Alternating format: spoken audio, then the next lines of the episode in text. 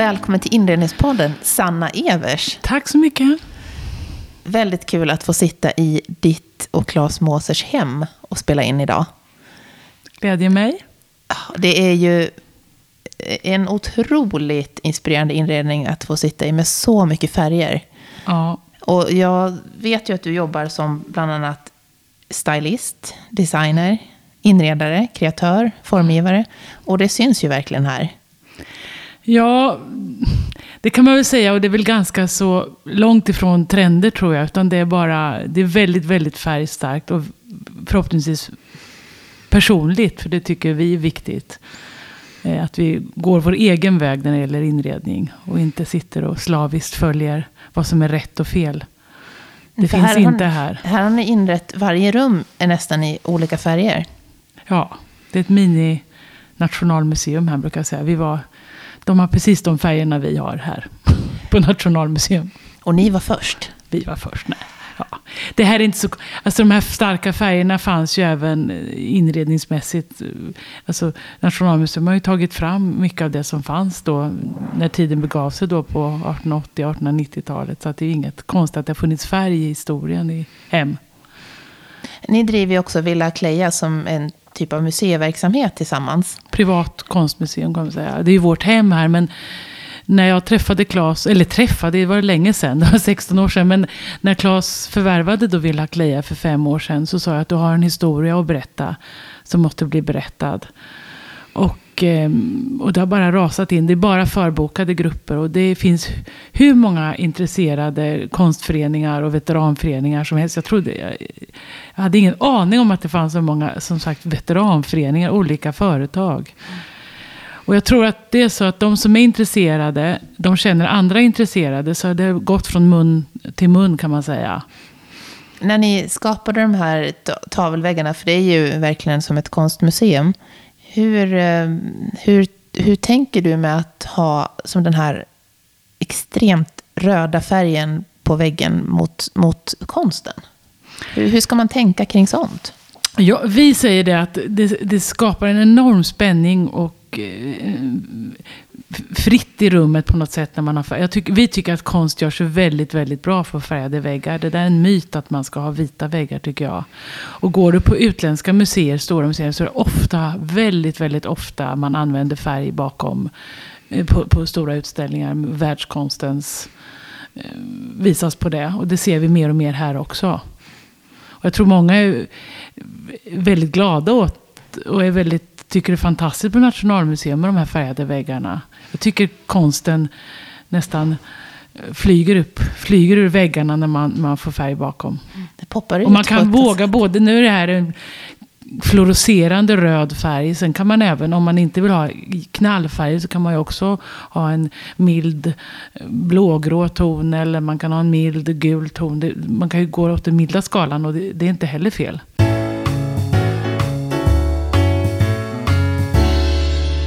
Du brinner ju ganska mycket för kvinnlig konst, alltså kvinnliga konstnärer. Mm. Och här bakom oss så sitter ju en hel vägg av en spännande konstnärinna. Mm. Vem, vem är det? Ja, men Claes lyckades eh, som sagt förvärva en, en samling av Marie Kröyer, den kända eh, konstnärinnan som var gift med sin ännu mer kända man, Peder Severin Kröyer. Alltså en av Skagenmålarna eh, som ingick i Skagenkoloni då på 1880-talet och framåt. Och vi har då en samling inne i vår gröna salong. Eija Topelius, fru Ackes eh, salong med rundade hörn så inte tankarna skulle fastna. Och när Claes köpte den här samlingen så sa han att hon ska få ett eget rum. Och vad passar bättre än att sätta det i Eijas skrivrum. Så vi har faktiskt fyllt en hel vägg med ett ja, 15-tal målningar då av Marie Kröyer som var en fantastisk konstnärinna, men som glömdes bort. Hon, som många kvinnor vid den här tidpunkten, hon, var, hon är ju född på 1860-talet. Eh, de här konstnärinnorna var begåvade, men många gånger när de gifte sig, som till exempel Karin Larsson, så lägger de penslarna på, på hyllan och slutar måla. Och det gör även Marie Kröyer runt 1890 när hon gifter sig med Peder Severin Kröyer. Men hon går och utbildar sig till konstnärinna i, i, ehm, i Köpenhamn. Hon kommer från en tysk högborgerlig miljö och hamnar i Köpenhamn tack vare att pappan är chef eh, för ett, ett väveri där, teknisk chef. Och föräldrarna ser tidigt att hon har en konstnärlig begåvning. Och hon utbildar sig också i Paris och där träffar hon Peder Severin Kröyer. Men sen som sagt, eh, när hon väl gifter sig 1890, då lägger hon penslarna på. Så att, och de här verken är ju fantastiska. Ja, det är både skisser då från, och sen är det fina små, en fantastisk målning med en enslig blomma och en fiskarpojke från Skagen, en fiskarflicka. Och det finns en väldigt sorg i det här för att jag tror att hon hade egentligen ambitionen och viljan att egentligen vilja fortsätta att måla. Men hon fastnade i det här av att vara den perfekta värdinnan och väninnan och hustrun. Och fastnade i köksregionen och välklädd. Och, så att hon blir ett offer av sin tid helt enkelt. Och sen de här verken kom ju, kom ju då hit på ett minst sagt udda sätt. Ja, Claes blev kontaktad av en person som för många år sedan köpte en av Alvengårdarna. Och där hittade han det här, den här samlingen uppe på vinden. Och då för 20-23 år sedan så var han inte beredd att säga det. Utan det visades på flera museer. Bland annat Skagens museum naturligtvis. Och Göteborgs konstmuseum och Leksands museum. Eh, Claes kom i kontakt med honom för han hjälpte honom att värdera den här samlingen. Och sen bara för några år sedan så kontaktade han Claes igen. Och då fick Claes köpa, köpa samlingen. Ja, så häftigt. Mm, det är en saga.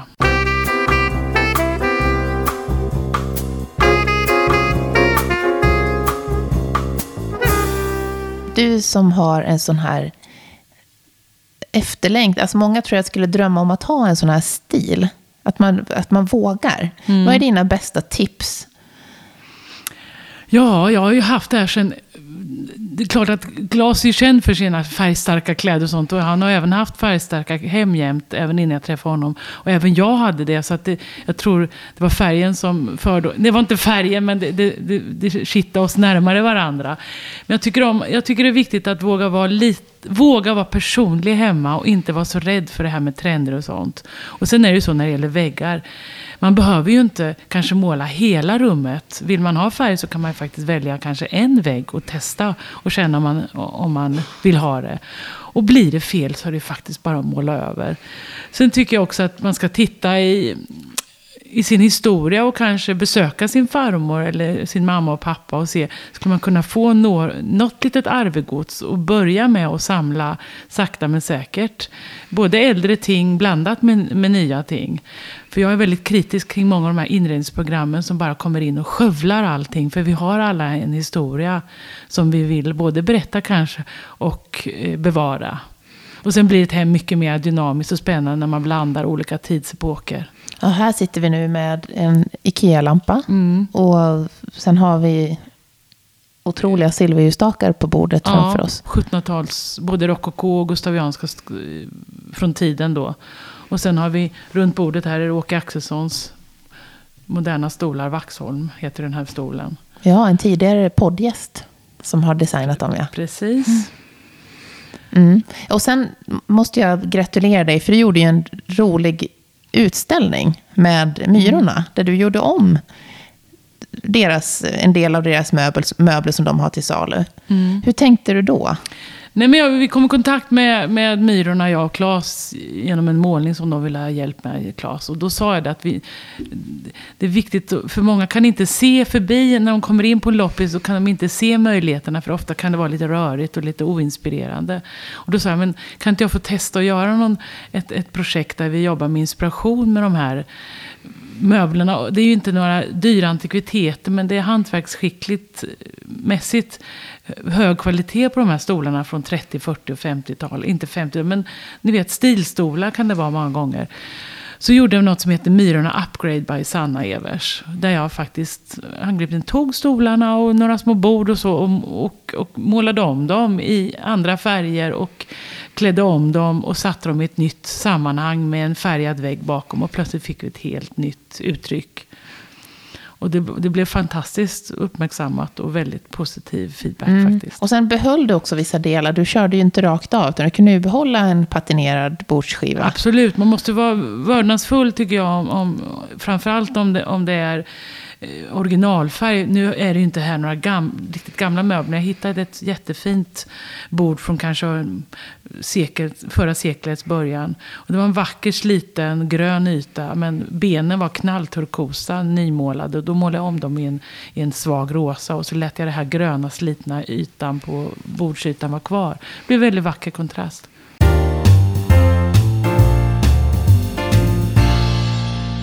Är det något annat tips som du vill dela med dig av till lyssnarna?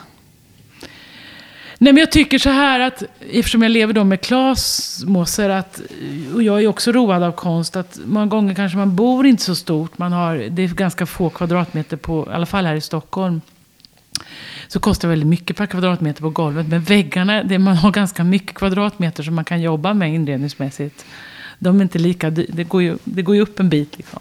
Så där tycker jag man ska jobba på höjden lite och våga eh, starta och samla på det man successivt och lära sig mer och mer om konst och våga hänga lite hänsynslöst. Mm, tätt. Bakom dig hänger konst ner från golvsocken ja. upp till taket. Ja. ja, precis. Det kanske man inte behöver. Men, men lite så att man vågar hänga lite. Man kan börja bara tänka så här, ja, men nedre linjen ska, ska stämma överens. Sen kan man vara lite fri när man hänger. Och sen jobba med väggarna som inredning, som en viktig inredningsingrediens tycker jag. Det blir det är spännande med konst helt enkelt. Mm. Hur kommer man i kontakt med dig om man vill träffa eller höra mer om dig? Dels finns jag på villakleja.se har vi en hemsida. Men sen finns, har jag ett Instagramkonto där jag lägger ut väldigt mycket av mina färgstarka bilder. Evers Sanna heter den. Att Evers Sanna. Och jag är väl den som har mest färg tror jag på sådana. På Instagram? Ja, nästan. Det är väldigt färgstarkt. Tusen tack Sanna. Tack.